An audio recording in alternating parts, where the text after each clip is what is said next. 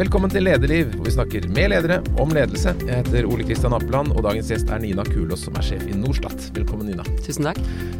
Alle har hørt navnet Norstat. Man har kanskje blitt oppringt av Norstat. Man har hørt på radioen at nå er det Norstat-undersøkelse og sånn, men, men, jeg tror ikke alle kjenner deg, eller dere. Hva er Norstat? Norstat, vi eh, jobber med data og leverer tredjepartsdata til eh, en veldig lang rekke av ulike virksomheter. Um, så våre kunder de har typisk et behov for å vite mer om målgruppene sine. Og det mm. kan være alt fra den norske befolkningen til ganske smale målgrupper som unge menn, eller de som kjører elbil, eller småbarnsforeldre, IT-sjefer. Spørreundersøkelser av alle mulige slag? Av alle mulige slag. Eh, I gamle dager så hadde vi et uh, um, slogan i Norstat som het 'Anything you need to know', og det egentlig sier ganske mye. Så vi, vi jobber utrolig bredt med veldig, veldig mange ulike, mye ulik tematikk for veldig ulike oppdragsgivere. Men vi samler inn data og setter vår stolthet i at dette er kvalitetsdata som du virkelig kan stole på når vi gjør en undersøkelse på, for våre oppdragsgivere. Mm. Um, og så har vi et veldig stort webpanel, um, og det er um, deler av gullet i virksomheten vår. Det er uh, over 90 000 nordmenn som er aktive i å svare på undersøkelsene. Det er de som, som går online. Med, som dere har funnet til å svare på alt mulig rart? Helt riktig. Mm. Hvordan ser selve virksomheten ut? Er det mange som jobber i Norstat? Ja, vi er rundt 50 fulltidsansatte, og så er vi nærmere 500 totalt. Oi. Så det store teamet utover de fulltidsansatte, det er jo deltidsansatte intervjuere. Og de som gjennomfører undersøkelsene våre. Både som er ute på, på, gata, og de som eh, sitter på telefonavdelinger, eller de som rekrutterer deltakere til brukertester og fokusgrupper osv. Så, videre. så Så vi jobber veldig bredt med veldig mange ulike eh, markedsanalysemetoder, og, og, prøver å dekke de behovene som, som Dere er blant de som fortsatt ringer ganske mye, da? Det er helt riktig, og det er eh, veldig interessant. Da jeg begynte i Norstat for nå seks års tid siden, så trodde vi at uh, telefonaktiviteten vår var uh, på vei nedover. Men den har holdt seg overraskende stabil. Det er ikke det som vokser mest, men, men, det er veldig mange typer undersøkelser som egner seg best på telefon, og det ser vi fortsatt. Og folk tar telefoner og ringer òg? Ja, det er jo en utfordring som vi jobber med hver dag. Mm. Uh, det å få folk til å svare, som er kjempeviktig for å få kvalitet i undersøkelsene. Men det er jo også sånn at vi gjør undersøkelser i små kommuner f.eks., og det å få tak i nok innbyggere i en bestemt kommune f.eks., da mm. er det mer effektivt og et bedre verktøy å bruke bruke telefon enn å sende ut uh, undersøkelser på mail, som et eksempel. Mm. Også når vi jobber veldig mye B2B, altså gjør undersøkelser mot bedrifter, og da viser stadig at telefonen at det er den beste måten å jobbe på. Mm. Så du gjør altså noe på telefon, og så er det noe i dette webpanelet som du sier. Og så nevnte du fokusgrupper. Hva er det? Fokusgrupper. Da rekrutterer vi ofte et sånt sted åtte til ti-tolv deltakere eh, som samles i et rom, det kan også være et digitalt rom i disse dager, mm. for å, å, snakke om gitte temaer. Ofte er det jo da en mentor, eh, eller eh, unnskyld, moderator til stede som styrer intervjuet og samtalen for å gå litt dypere i de problemstillingene eller eh, spørsmålene som våre oppdragsgivere vil ha, ha adressert. Da. Og nå i disse dager så har vi hørt navnet Nordstads flere ganger i forbindelse med sånn valg målinger. Er det, er det den største type kunder, eller hvem er det som kjøper Hva slags målinger er det mest av? Ja, Det er et godt spørsmål. Det er, ikke, det er utrolig bredde i eh, befolkningsundersøkelser og mer kommersielle undersøkelser. Vi er nok veldig synlige på politiske målinger, og det er, det er, jo, det er veldig gøy og det er veldig spennende med politiske mm. målinger, men det er, det er, en relativt liten del av businessen vår løpende. Men det er nå når vi nærmer oss valg, så er det selvfølgelig noe vi driver mye med. Eh, og så leverer vi mye månedlige politiske barometere, eh, men det er ikke en stor del av virksomheten vår totalt sett. Men men synlighetsmessig så er det nok mm. absolutt det. Hvilke bransjer er det som bruker undersøkelser mye, bortsett fra da media? Du, det er, eh, det er utrolig bredt. Vi har jo 300-400 eh, kunder på kundelistene våre mm. i året, i, sånn i snitt. Og det er alt fra uh, mange offentlige virksomheter som kartlegger befolkning og håper eh, å si, reisevaner og helserelaterte tema og sånne ting, til private aktører. Uh, mange medieaktører, som du er inne på, mm. men, men, vi måler mye effekt av kampanjer, f.eks. For, eksempel, for store merkevareaktører. Vi jobber mye med bankfinans.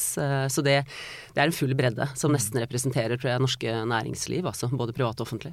Og Norstat er en internasjonal virksomhet? Det er helt riktig. Vi er jo opprinnelig norsk, ble grunnet på Lillehammer i slutten av 90-tallet, eh, men har vokst jevnt og trutt siden det. Så nå har vi kontorer i tolv land og driver webpaneler i 18 land så, i, over hele Europa. Og hvem eier selskapet? Eh, det er Triton, et PE-selskap. Mm. Mm, som så kjøpte oss for opp. Ja. ja. nå skal dere bli mer lønnsomme, og så skal dere selges igjen. Er den gamle historien. så da legges det press på dere. Men, men dette med å, å, Som du var inne på med, med å svare, altså er, er, folk Er det vanskelig for folk til å gi sin mening? Nei, altså det er Hva skal vi si. Vi jobber med det. For dette med det vi kaller responsrater, andelen av de som vi inviterer til undersøkelser, som faktisk svarer på undersøkelser, det er en viktig del av kvaliteten. At vi faktisk får engasjert panelistene våre også når vi bruker telefon og ringer befolkningen. Um, men det er jo en sånn dalende trend, så vi prøver jo å jobbe mer og mer målretta på hvordan vi når ut. Det å gi beskjed om at det er Norstat som ringer. Um, og det å Eh, både insentivere og engasjere spesielt panelistene våre. For det er nesten som en sånn medlemsklubb, eh, mm. de som svarer på alt som går online av undersøkelser. Så, så, det jobber vi å bruke mye ressurser på, både på gruppenivå på tvers av våre tolv land, og, og, lokalt. Mm. Så det Men jeg syns eh, Jeg er veldig fornøyd og tilfreds med den responsraten vi har, men det er absolutt mye ressurser som legges i å opprettholde den. Du kom til den jobben for en, fem-seks års tid siden. Eh, så sa jeg på CV-en din, det, det er ganske morsom For å starte på utdannelse, det er ganske sånn sammensatt og morsom utdannelse. For du er en siviløkonom, og du har noe master i international relations, så har du litt kunsthistorie, litt psykologi og sånn. Er du generelt veldig nysgjerrig, eller er det bare vanskelig for å bestemme deg hva det skulle bli? Generelt veldig nysgjerrig. det, er faktisk, eh, det er faktisk det. Eh, nei, siviløkonomutdanningen er nok det jeg tenker på som kjerneutdanningen. Og så eh, er jo historien bak masteren er enkelt og greit. At min daværende kjæreste, nå mann, og jeg hadde veldig lyst til å bo og flytte til Sydney. Så da tok jeg en master, og han hadde mulighet til å flytte dit med jobb. Så, men det var en veldig interessant master i internasjonal politikk. Så jeg hadde en periode hvor jeg vurderte om jeg skulle gå mer liksom, i retning internasjonal politikk og søke meg jobber i den retning, eller om mm. jeg skulle søke meg mer mot businessretningen. Så ble det det siste. Og psykologi og kunsthistorie, veldig interessante fag, eh, men mer eh, fag jeg har tatt for å berike livet og ha det litt gøy innimellom andre ting jeg har gjort. Å skjønne litt psykologi kan kanskje være greit i Norstat? Absolutt. Det, det, har kommet godt med på mange måter, altså. Eh, også som leder og ja. Og så har du jobbet som strategikonsulent i, i, et stort konsulentselskap både i Oslo og San Francisco. Forretningsutvikler i Skipsted, kommersiell direktør og økonomisjef i Morgenbladet, og så Norstata. Det er veldig um, Jeg tenker En strategikonsulent det legger veldig sånn press på at du må være fantastisk god til å lage strategi for Norstat, f.eks. Ja, altså jeg, jeg, håper jeg har tatt med meg noe, så får andre vurdere hvor, hvor god jeg er. Altså. Men eh, jeg tenker spesielt på den første jobben min som konsulent med, med jeg håper å si alt uh, man har tilgjengelig i et stort globalt internasjonalt system. Uh, med veldig variert portefølje av prosjekter for ulike kunder inn- og utland. Det var en fantastisk startjobb for meg. For det var rett, rett etter siviløkonomstudiet? Ja, eller etter masteren. Mm.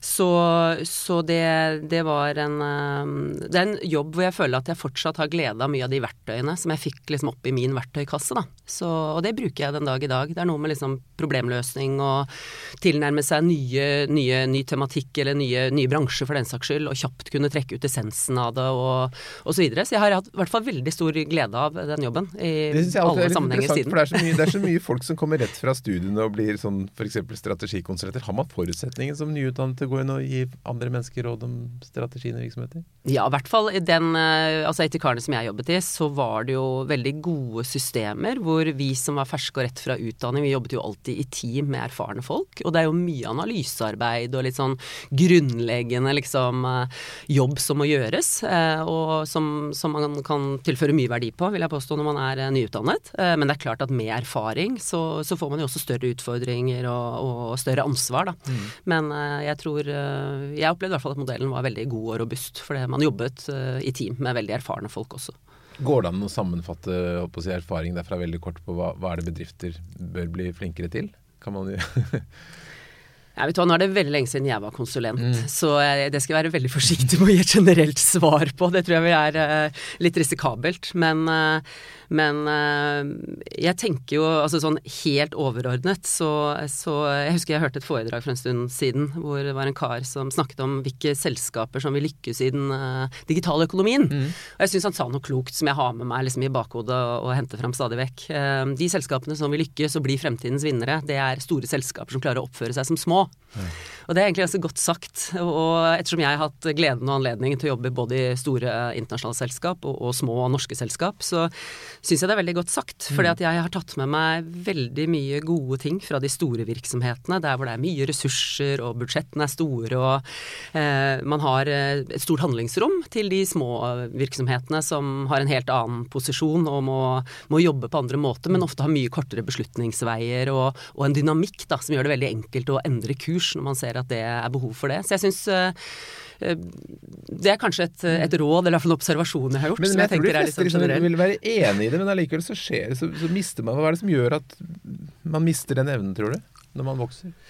Ja, nå tror jeg ikke alle gjør det, da. Så Nei. jeg tenker jo det systemet jeg selv jobbet i, for å skryte litt av dem. Er det mm. mange år siden jeg var i Skipsted, men mm. jeg følger jo dem eh, Nå er de kunde av Norstat, og, og jeg følger dem jo fra sidelinja. som Som, eh, som gammel medieperson så er det jo spennende å følge den bransjen hvor det skjer så mye. Mm.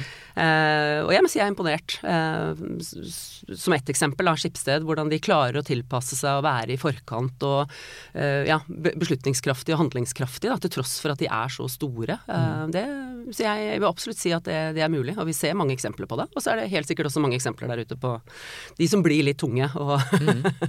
ja, det er et veldig godt sitat, helt sikkert et uh, godt råd. Når du ble, da kom fra eh, Morgenbladet var kommersiell direktør og økonomisjef eller økonomiansvarlig der, og så kom du da inn som administrerende i Norstat. Hadde du noen tanker om hvordan du skulle være når du liksom da kom inn og virkelig først ble øverste sjef et sted? Ja, godt, eh, det er et godt spørsmål. Eh, jeg hadde i hvert fall Jeg må si den, eh, de årene jeg var i Morgenbladet er kanskje noe av det mest lærerike så langt i min karriere. Virkelig. For da hadde jeg som vi nå har vært inne på. Jeg har vært eh, strategikonsulent, jobbet med forretningsutvikling og strategi i mange år. Eh, også i Skipsted så var jeg jo i stor grad en intern konsulent. Mm. Eh, men jeg var, før jeg begynte i Morgenbladet, veldig interessert i å søke operativ, liksom mer operativ erfaring og ta et operativt ansvar for resultatansvar og se hva det var, og mm. om, om jeg egnet meg til det. Uh, og mange syns jo det valget var litt uh, annerledes og overraskende av mine gamle kolleger. Men, men, det var noe av det beste valgene, altså et av de beste valgene jeg har tatt. For det var um, Jeg fikk et veldig stort operativt ansvar, vel å merke i en mye mindre virksomhet, men det er mm. ofte der man kan, kan få et stort, så stort ansvar. Og kanskje det var vel ikke så økonomisk veldig fett der heller? Nei, absolutt ikke. Og, og, jeg var første si, kommersielle direktør, ny, mm. nyopprettet stilling. Så læringen derfra, da, holdt jeg på å si, hvor du bare måtte eh, stå solid på egne ben, bruke sunn fornuft og selvfølgelig alt det man hadde med erfaring osv. Men eh, det var enormt mye å ta tak i. Det var jo en veldig liten kommersiell eh, del jeg håper å si, i den virksomheten på det tidspunktet. Men det var ganske frie rammer og muligheter for å bygge opp og profesjonalisere den kommersielle siden. Så det var ekstremt lærerikt og fantastisk spennende. Så fra et bitte lite team på én person da jeg kom inn, til mm. liksom vel åtte, som fortsatt er lite, men, mm. men det var altså en fantastisk spennende reise og, og, og, veldig mye nytt og spennende som vi fikk eh, jobbe med. Og, og det å bygge opp team og, og rett og slett for kanskje for første gang i min karriere virkelig ha det eh, ansvaret for, for, team og folk og, og bygge kultur osv. Så, videre. så det, jeg tok med meg veldig mye av det over i, i Norstat, selv om det er en annen bransje og var en helt annen virksomhet og, og start. Mm. Der, eh, der, var jeg den første lederen som var rekruttert utenfra, og utenfor bransjen også. Mm. Så det var jo kjempespennende. Og jeg opplevde heldigvis eh, en sånn stor åpenhet for at man så ting med nye øyne, og det var sikkert også litt av baktanken bak å rekruttere en eh, fra utenfor bransjen. Um, men jeg tror det viktigste Men Hvorfor valgte du Norstat, da? Hvorfor tenkte du at det er jobben for meg? Du, jeg var eh, klar for eh, nye muligheter. Jeg har alltid vært veldig opptatt av innsikt, og innsiktsbasert både forretningsutvikling og, og um, produktutvikling og mm. forretningsutvikling generelt. Så, eh, så dette, den posisjonen til Norstat og de mulighetene, mulighetene, jeg så fremover der, det var veldig veldig spennende. Mm. Og så hadde jeg jobbet mange år da med de nye inntektsstrømmene og liksom ja, ja. jakten på unge lesere og litt sånne ting, så jeg syns det var veldig spennende å hoppe over og oppleve, holdt jeg på å si, og, og gå inn i en ny, ny, bransje, som fortsatt jobbet mye med, med mediebransjen, men uh, som også så, så da kom du på sjefskontoret. Hvem ville du være da når du kom ut på dette sjefskontoret? Ja, Godt spørsmål. Ehm, jeg tror først og fremst jeg ville være Jeg tenker ofte på meg sjøl som dirigent. Jeg drev med musikk i hele oppveksten. Ehm, og eh, det blir ikke mye business eller penger i kassen av bare en dirigent. Akkurat som det ikke blir noen toner i et orkester hvis det bare er en dirigent der på mm. podiet. Ehm, så det der å, å bli kjent med og, og jeg håper å si se på det teamet som jeg skulle jobbe med, og få eh, få mest mulig ut av det teamet og få folk til å blomstre og sånn, er vel det noe jeg liksom, som er veldig, veldig viktig i min lederrolle. Mm. Eh, og der kommer jeg jo til i veldig stor grad et dekket bord. Eh, en veldig god kultur med en sterk kundefokus, mm. med høy trivsel på arbeidsplassen og sånne ting. Så det, mye av det var på veldig god stell. Eh, og så opplevde jeg heldigvis at folk var veldig åpne for nye muligheter og for mine hva skal jeg si, utfordringer av en del av det bestående og sånne ting. Så, men eh, ja, først og fremst å, å, å liksom ta vare på organisasjonen og bli kjent med den. Og så ble det veldig fort uh, en stor og spennende oppgave å, prøve å markedsorientere, for å si det på den måten, Norstat. Og det, det, er jo interessant når du innleder med Alle kjenner Norstat, eller mange kjenner mm. Norstat-navnet, men ganske mange vet ikke helt hva vi egentlig driver med. Og det, det, var jo det jeg også tok med meg da jeg kom innfra. Og det er lett når man har vært eh, og jobbet et sted i mange år, og tro at alle kjenner oss. Og vi, mm. har, eh, vi er veldig heldige og har en stor portefølje av veldig lojale kunder osv.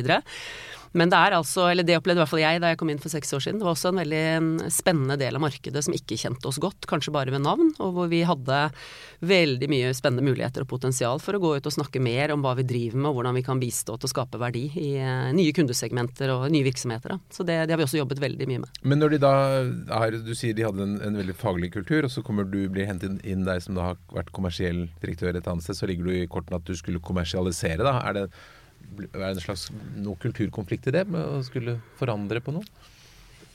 Nei, jeg har egentlig ikke opplevd det. Det var jo fra mediebransjen, så hadde jeg jobbet veldig mye med Børskatedral, og det er mm. egentlig noe jeg syns er kjempespennende. Mm. For det, når jeg jobber med produkter og tjenester som jeg virkelig brenner for, og, og tror virkelig kan tilføre stor verdi mm. til, til kundene og markedet, så, så syns jeg det er kjempegøy å prøve å kombinere det der og ta vare på det faglige og, og alt det innebærer, samtidig som man kan prøve å virkelig bygge opp det kommersielle, og tenke ganske superkommersielt, samtidig som man ivaretar uh, merkevaren eller uh, mm. ja, posisjonen sin på det faglige. Gått, nå har jeg ikke lest alle tallene deres, men det ser ut som det har gått riktig veien? Både, både på topp og bunnlinje? Ja, absolutt. Vi har hatt en veldig hyggelig utvikling år for år, og det er kjempespennende. Så det er en, tror jeg en kombinasjon av at vi prøver å se nye muligheter i markedet. og jobbe bedre og bedre med mange av våre eksisterende kunder, og selvfølgelig se nye muligheter. Og samtidig ja, har vi stor fokus på kostnader og effektivitet osv. Så, videre, så Hva er det du har gjort for å liksom skape den kommersielle kulturen? Det er sikkert mange som har den utfordringen.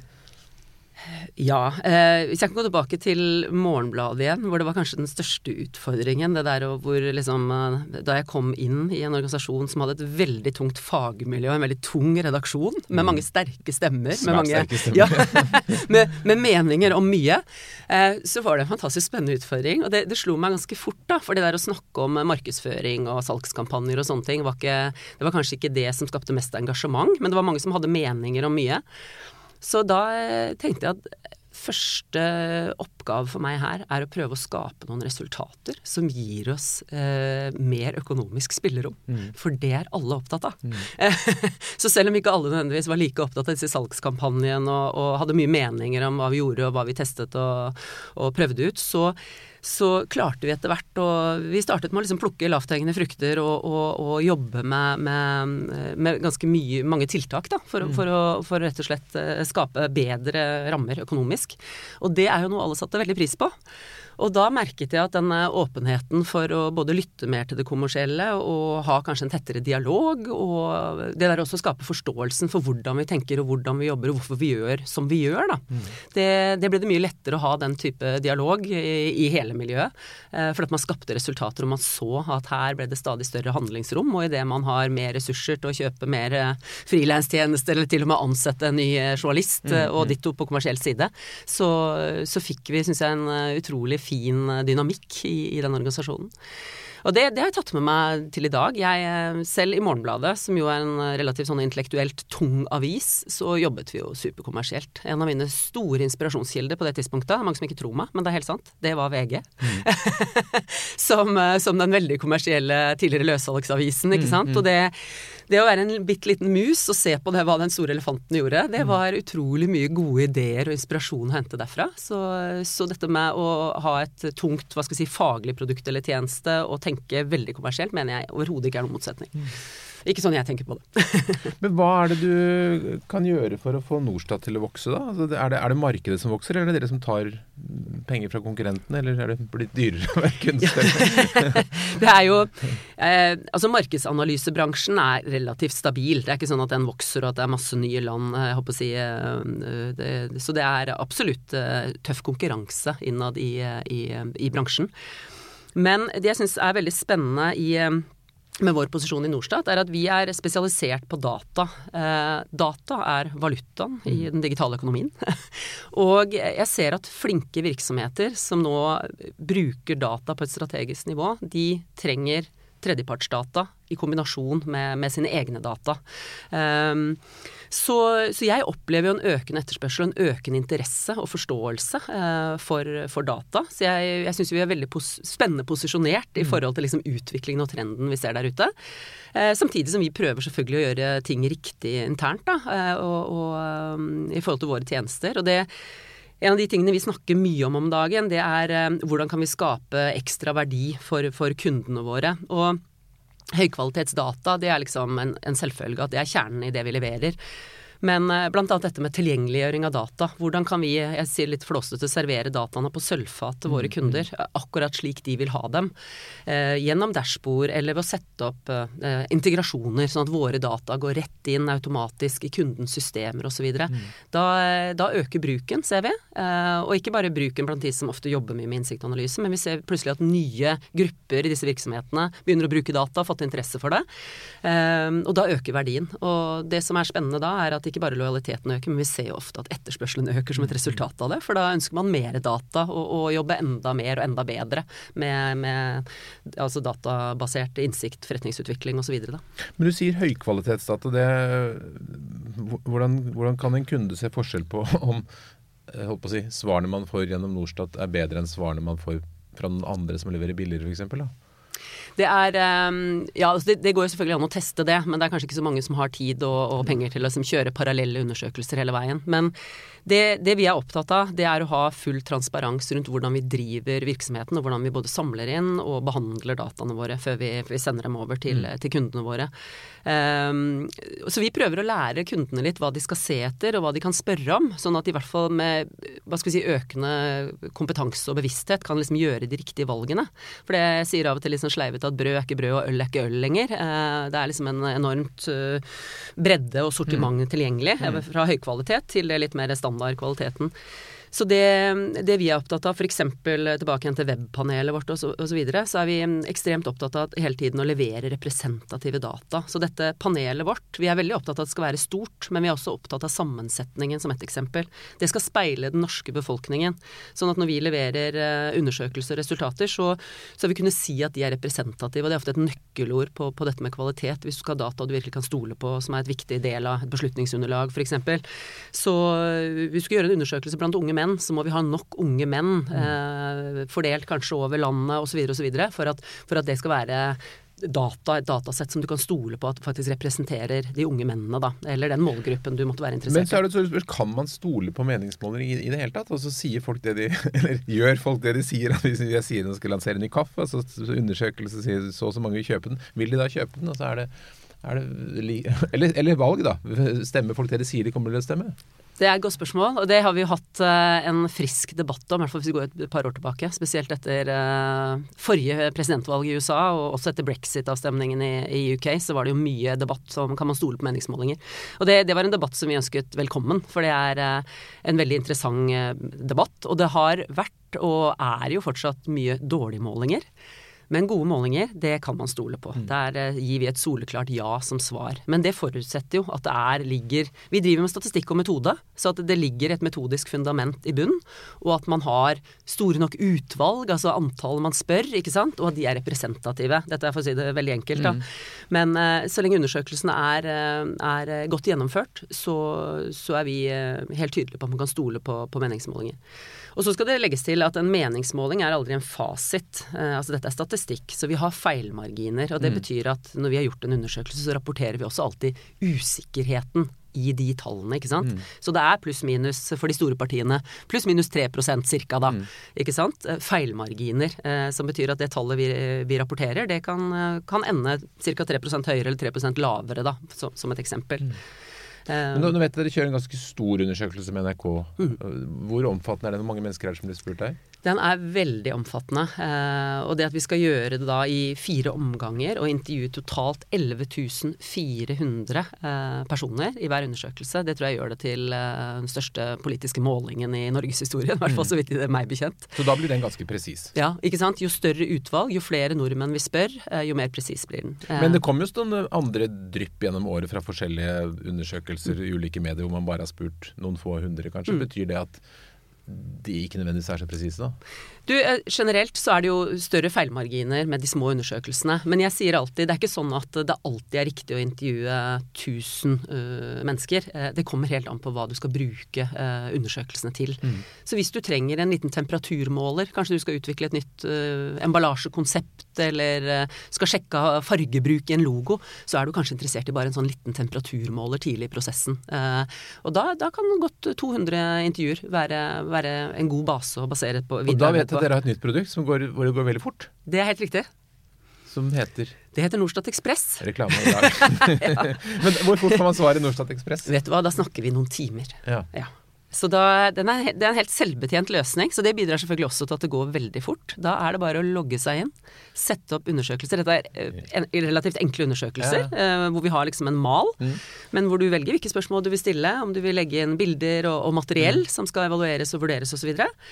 Eh, og så trykker du start, og så går den rett inn i Norstat-panelet. Og så tikker svarene inn, og dette kan du følge live i et dashbord. Wow. Eh, så i løpet av bare minutter så begynner du å få de første svarene, og i løpet av mellom 10 og 50 minutter, stort sett, da. Litt avhengig av hvilken målgruppe du har valgt, og hvor mange intervjuer du skal ha. Okay. Så, men det, det er liksom et, også et tegn Eller det er noe vi er veldig opptatt av. Det er det å tilgjengeliggjøre data, gjøre data enklere tilgjengelig, og også i det tilfellet billigere. Mm. Så det er en sånn ekspressløsning eh, for de behovene. Det erstatter ikke en 1000 intervjus webundersøkelse, men det er forhåpentligvis et veldig godt og verdifullt supplement da, mm. til en del av våre kunder. Og så nevnte du at du har 500, altså du har mange deltidsansatte som da Eh, ringer. Og de er fra Lillehammer. I hvert fall så sier de det når de ringer til meg noen ganger. De er fra Norstat på Lillehammer. Har, har et kjempe, telefonrom der? Vi har en avdeling på Lillehammer og en avdeling i Trondheim. Mm. Så de er ca. like store. De har litt over 60 plasser. Så der har vi veldig mange flinke Du hører det er litt sånn bikubelyd. Det er mye summing når de ringer. Det det, det, ja, det er det. Ja. Sitter folk i bakgrunnen Så sitter de i sånne små båser, da. Men det er klart at uh, det er en god lyd når man er på, når jeg er på besøk på en avdeling, og det er liksom uh, fullt hus. Det er det jo ikke nå om dagen med avstandsbegrensninger og sånn, men når du har over 60 intervjuer på, på jobb i en normal uh, hverdag, holdt jeg på å si. Så nei, det er god lyd, altså. Det er det lett å rekruttere folk til den typen jobb? Ja, det er forholdsvis enkelt. Uh, det er eh, veldig mye eh, altså studenter og folk ja. som søker deltidsjobber. Og så er det jobber som er veldig fleksible. Vi har liksom ofte en sånn avtale om at du må jobbe minimum to, to økter i uka, dag eller kveld. Men mm. det er veldig stor fleksibilitet på, på hvilke ukedager og hvilke tidspunkter og litt sånne ting. Så det, det, går veldig bra. Men vi trenger stadig flere, så det er jo en utskifting. ikke sant? I og med at vi har mye studenter og sånn, så er de ferdig med studiene og flytter videre eller uh, søker seg fast jobb osv. Så, videre. så Blir de stort sett behandlet pent når de ringer til folk? Og så er, er, folk høflige og greie når de får telefon fra Norstat?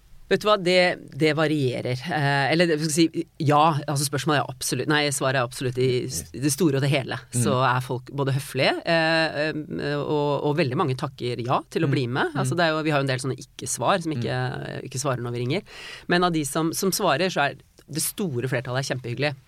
Men, eh, men, det er helt klart folk som ikke liker å bli ringt. Mm. Eh, og da er det helt greit å takke nei. og eh, ja, vi, det, det, har vi veldig altså det, er, det, er, del av opplæringen, hvordan man liksom håndterer håper jeg, ulike svar. Men, mm. men jeg tror langt det store flertallet nordmenn er veldig, er veldig høflige når, når vi ringer. Men hvordan, når du da får folk inn som kanskje knapt kjenner virksomheten, og som ikke kjenner Norstat, og som likevel skal være deres representanter og ambassadører. Hvordan jobber dere for å få folk om bord, hvis de skal jobbe deltid hos dere? Ja, er, eh, Vi jobber veldig mye med opplæring, og har en veldig grundig opplæring eh, før, før, oppstart. Eh, hvor det selvfølgelig er viktig å jeg håper å si screene folk. Vi må ha folk som jeg håper å si har god språkføring og snakker tydelig og liksom, ikke sant. Mm. håndterer den biten. Eh, og så er det en faglighet der, for det er veldig viktig tilbake igjen til dette med kvalitetsdata og sånn. Eh, man skal lese undersøkelser ord for ord, akkurat sånn det står, og alle alternativer skal være med, og det er ikke, det er ikke rom for noe som helst slinger i valsen eller snarveier når man mm. er telefonintervjuer, og det er, det er veldig viktig. Så det er et håndverk som absolutt veldig mange kan lære seg, men det er ekstremt viktig å få den gjennomgangen og opplæringen i kjørereglene våre, da. Mm. Sånn at vi kan stå som garantist for at vi leverer gode undersøkelser. Hvilken hvilke del av jobben din er det du syns er mest utfordrende? Altså, du har jo da både litt faglig utvikling og ansatte og kunder og litt av hvert. Hvor ligger liksom Hva er det du grubler mest på? Ja, altså um, det er jo Jeg er jo jeg er type veldig tett på det operative, og, og selvfølgelig uh, mye også på det overordnede strategiske. Um, jeg jobber ganske tett med de av våre folk um, som er ansvarlig for hva skal jeg si, metode, metodisk og kvalitetsmessig ting, mm. for å sikre at undersøkelsene våre holder seg best mulig og relevante. Og der har vi jo en en utfordring i forhold til underliggende endringer i samfunnet. Um, som er veldig sånn spennende faglig sett, da. Um, så det er På hvilken måte da? Altså Nei, eksempelvis um, viktigheten av utdanning ser mm. man uh, ikke sant, i økende grad. At folks preferanser og viktige veivalg uh, i, i, livet, holdt jeg på å si, og måten man lever på, helserelatert tematikk og sånne ting, mm. er veldig tett knyttet opp mot utdanningsnivå. Mm. Eh, vi vekter jo, eller sånn historisk sett, eh, hovedsakelig på kjønn, alder og geografi. Mm. For der har vi en fasit fra SSB. Så mm. det er eh, veldig på en måte svart-hvitt hvor mange kvinner og menn, og hvor mm. mange som bor i de ulike geografiene og mm. sånne ting. Men, men, underliggende utviklingstrekk gjør jo at vi jobber veldig aktivt med å se om det er andre parametere som vi skal i større grad trekke inn i undersøkelsene våre, som ett eksempel. Mm. Eh, å få med tilstrekkelig mange av minoritetsbefolkningen som en annen eksempel. Eh, unge menn er jo en gruppe gruppe som alle i bransjen vår vet at er kjempekrevende. Vi er ganske flinke til å få dem rekruttert inn i panelet og få dem til å bli med, men det å få dem til å svare i steg to er en større utfordring. Så da jobber vi veldig mye med liksom kanalbruk, hvilke kommunikasjonskanaler vi bruker osv. for å engasjere dem. Da. Så den type utfordringer vi jo, jobber vi mye med og er veldig spennende da. Mm. Og så er jeg veldig opptatt av ny teknologi. Eh, vi, har, eh, vi jobber jo mye med kunder i mediebransjen, bankfinans som eksempel. Det er jo kunder som er veldig fremoverlent og langt fremme digitalt. Eh, vi skal kunne levere gode løsninger som skaper verdi til den type kunder, så det er jo kjempespennende. Eh, og det fordrer jo at vi er eh, veldig fremoverlent selv. Så vi har en stor IT-utviklingsavdeling internt eh, som, eh, som, jeg er veldig glad for, og som skaper utrolig stor verdi og sikrer at vi er fremoverlent både når det gjelder nye måter å samle inn data på, og nye måter å levere data på til kundene. Og, og det å kunne skreddersy etter kundens ganske unike behov da, fra gang til gang er også kjempeviktig for oss for å skape den verdien. Så det er mange ting å bruke hodet på? Absolutt. er det noen hendelser i, i din periode som leder som du tenker spesielt har formet deg som leder?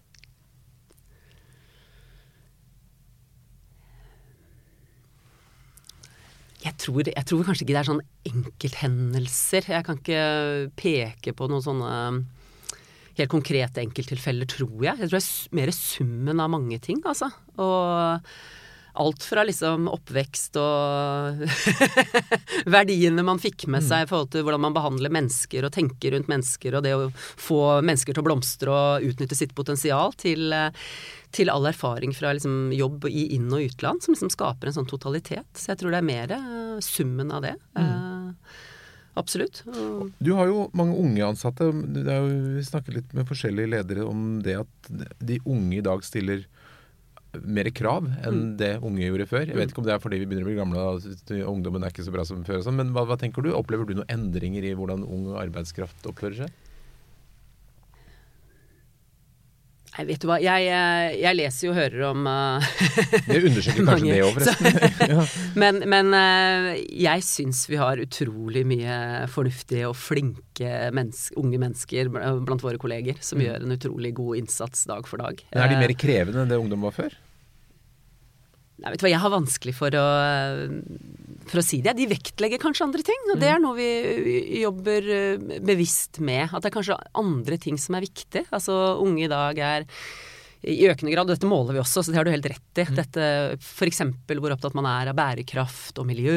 Um, uh, jeg tror også trivsel og det der med det, kollegiet og, og, miljøet på jobben og sånne ting. Det, jeg, jeg tror for så vidt det har vært viktig for mange lenge, da. Men, uh, men, jeg tenker at det er kanskje ting som er enda viktigere for unge. Og så ser jeg Ja, jeg ser jo Vi, har, vi rekrutterer vi, vi, har et sånt team bestående av uh, voksne folk og, og, og, unge folk. Men jeg syns, jeg syns jo kombinasjonen av det, og jeg tror jo også at unge folk folk har supergodt av å omgås de modne og erfarne, ikke sant. Og mm. samtidig som jeg også ser at uh, de mest erfarne i vårt team, når vi ansetter unge, veldig sånn digitalt orienterte folk, bare i kraft av at de har tatt den utdanningen flere tiår etter mm. mange av oss andre, så, så, så, skaper det utrolig mye ny energi òg, da. Så de unge får jo virkelig, i hvert fall hos oss, så prøver jeg å gi dem muligheter, for at de kommer inn med en del sånne ferdigheter og pågangsmot og iver, som jeg tenker at det, det må vi utnytte og gi mm. dem spennende muligheter. Uh, i takt med at de bygger erfaring, selvfølgelig. Og, og, jeg føler at alle egentlig tilfører viktige ting til teamet. Da. Og det, det, opplever jeg liksom er stemningen hos oss, som er uh, veldig bra. Da. At vi mm. trekker på, på, det beste fra både de unge og de, de veldig erfarne. Nå har vi snakket om noen bransjer, men tenker du at de aller fleste bedriftsledere burde bruke eh, markedsundersøkelser, meningsmålinger i sin virksomhet? Det er kanskje å spørre deg, du, du vil selvfølgelig si ja, Svar er selvfølgelig ja. Men, men prøv å gi et sånn objektivt svar på dette, Nina. Nei, men vet du hva. Jeg, jeg, ehm, jeg mener faktisk det, med hånden på hjertet. Eh, for jeg mener at det å jobbe med data, det, det ser vi allerede. De beste i klassen, de jobber eh, veldig strategisk og godt med data.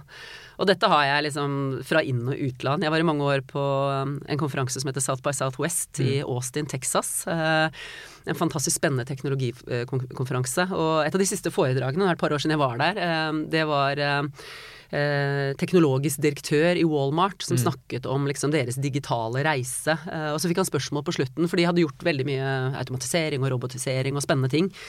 Og så kom det spørsmål fra salen. Ja, hvor er det dere fortsatt har langt å gå, eh, og hva er det som er viktig fremover av nye satsinger? Og da, da sier han eh, at uh, det å jobbe mer strategisk med data, og det å bringe data opp på, på måte konsernledernivået inn i styrerommet. Og det, det, tror jeg genuint på. For det data, både summen av alt data man har tilgang på gjennom interne systemer osv., mm. kombinert med markedsdata, tror jeg er, de tror jeg kommer til å kjennetegne de som virkelig gjør det bra, og, og gjør de riktige valgene når det gjelder innovasjon og nytenkning, produktutvikling osv. Så, videre. så Så det mener jeg faktisk. Eh, at det eh, bare blir viktigere og viktigere. Og vi ser det allerede. Vi ser Se på det systemet som jeg jobbet i for mange år siden, Skipsted. Vi ser veldig mange store virksomheter i Norge nå som bygger opp uh, innsikt- og analyseavdeling, uh, og, og, styrker det stadig med ny kompetanse. For det å å, å, drive med data eh, på et strategisk nivå og ta det mye tettere inn i de store beslutningsprosessene, det, det, det ser vi allerede en klar trend på. Så det er en uh, kjempespennende utvikling. Så du er ikke bekymret på, for om analysebransjen har en fremtid?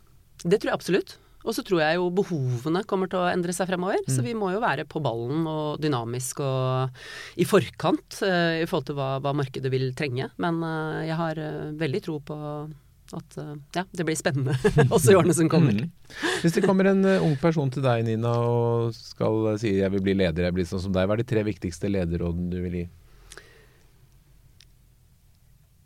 Jeg tror det aller uh, viktigste, eller det jeg ville svart, er uh, gjør en god jobb der du er. Um, og bruk mesteparten av tiden og konsentrasjonen din på, på, å gjøre en god jobb der du, der du er. for det gir ofte nye muligheter. Um, og så er det godt å ha en drøm og en visjon om hvor man vil, men uh, å komme inn som nyansatt og bestemme seg for å bli liksom sjef i DNB eller Orkla, det tror jeg kanskje ikke er det riktige utgangspunktet. det er noe med at veien blir til mens man går den. og det er jo sånn for de fleste av oss at man har både flaks og uflaks, og det er mye tilfeldigheter langs den veien man går også. Så det der å til enhver tid konsentrere seg om å gjøre en skikkelig god jobb der man er, det, det er uh, et veldig viktig råd, tenker jeg. Um, så er det et råd som jeg fikk. Da var jeg ung konsulent. Det var jo et system hvor man hadde en sånn veldig klar karrieretrack, liksom. Fra ung, uerfaren til mer og mer erfaren og stadig mer ansvar i det systemet. Men da husker jeg fikk et råd at hvis du vil bli forfremmet fra prosjektleder til manager, mm. så begynn å tenke som en manager. Og det er eh, det, det, brukte jeg ganske mye tidlig i karrieren. Um, at uh, det var jo ikke det at man skulle glemme å være prosjektleder og late som man var sjef til enhver tid, men man gjør en enda bedre jobb hvis man av og til hever blikket og tenker på hvordan ville sjefen min tenkt nå, mm. og hva er det som er viktig for sjefen min. Både for å kunne bidra med gode innspill og ideer, for de kan virkelig komme fra overalt i organisasjonen, er min erfaring, men også for det å bevise at man er god nok for den forfremmelsen eller for å ta større ansvar, da. Så det tenker jeg også er et uh, godt råd med på veien, håper jeg. Du har ett til hvis du vil. ja, altså, rekke opp hånda. Eh, bidra der man kan. Eh, det er eh, både gøy å, kunne bidra på kryss og tvers i en virksomhet, også utenfor det man kanskje hovedsakelig konsentrerer seg om i det daglige. Eh, og det, da får man nettverk og, og, kjennskap til nye områder og nye folk. Det, det er kjempebra å ha, på, ha, med på veien. Helt til slutt, hvor, hvor, trygg er du på at valgresultatet kommer til å ligne på det siste målingsresultatet deres før valget? Det blir kjempespennende å se. jeg hadde en god kollega som var med i eh, et webinar hos Aftenposten for noen uker siden. Og der satt han uh, i et panel sammen med en uh, en uh, kar fra Norsk regnesentral, som også jobber for Aftenposten med algoritmebaserte uh, prediksjoner frem mot valget. Så det var en veldig interessant debatt, da, for det er jo ulike måter å måle på nå. Mm. Uh, og, og det, det, følger vi også med den største interesse. og så er det sånn at verken algoritmene eller de tradisjonelle målingene har jeg, vi, vi, presenterer jo ikke som fasit. Det er usikkerhetsmomenter i, i alle tilnærminger. Så, så, jeg er kjempespent. Men jeg har veldig tro på meningsmålinger fortsatt. Og med de store, omfattende målingene vi gjør for NRK osv., og, så videre, og de utvalgene og måten vi har jobbet på med liksom, å bygge det opp fra valgdistriktene osv., det, ja, det blir veldig spennende å se. Jeg skal ikke påstå at det blir fasiten, men jeg håper at vi treffer tett på. Veldig bra. Nina Kules, takk for at du kom til Lederliv. Tusen takk.